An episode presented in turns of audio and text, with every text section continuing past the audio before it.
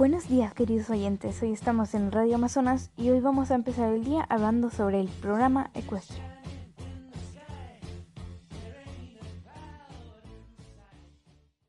Como he dicho anteriormente, hoy vamos a empezar el día hablando sobre caballos. En el mundo hay más de 300 razas de caballos. Hoy vamos a ver algunas.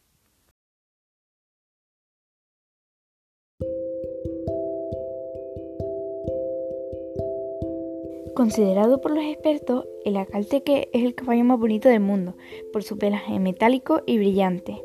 Solo se encuentran 1250 ejemplares de ellos.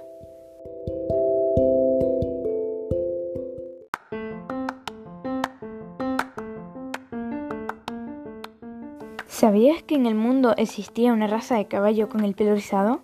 ¿A que no? Bueno, esta raza se llama Basque Curly y no transmite ninguna alergia para las personas que sean alérgicas a los caballos.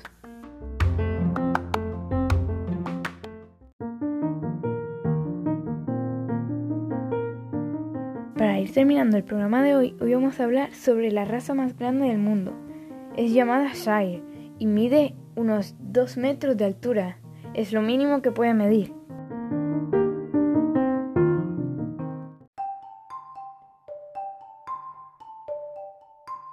No solo conocemos a los Shire como los más altos del mundo, también tenemos a Big Jake, un belga de tiro que mide 2,10 metros.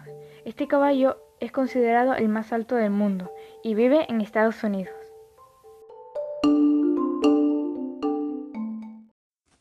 Ya hemos terminado nuestro programa ecuestre. Espero que os haya encantado.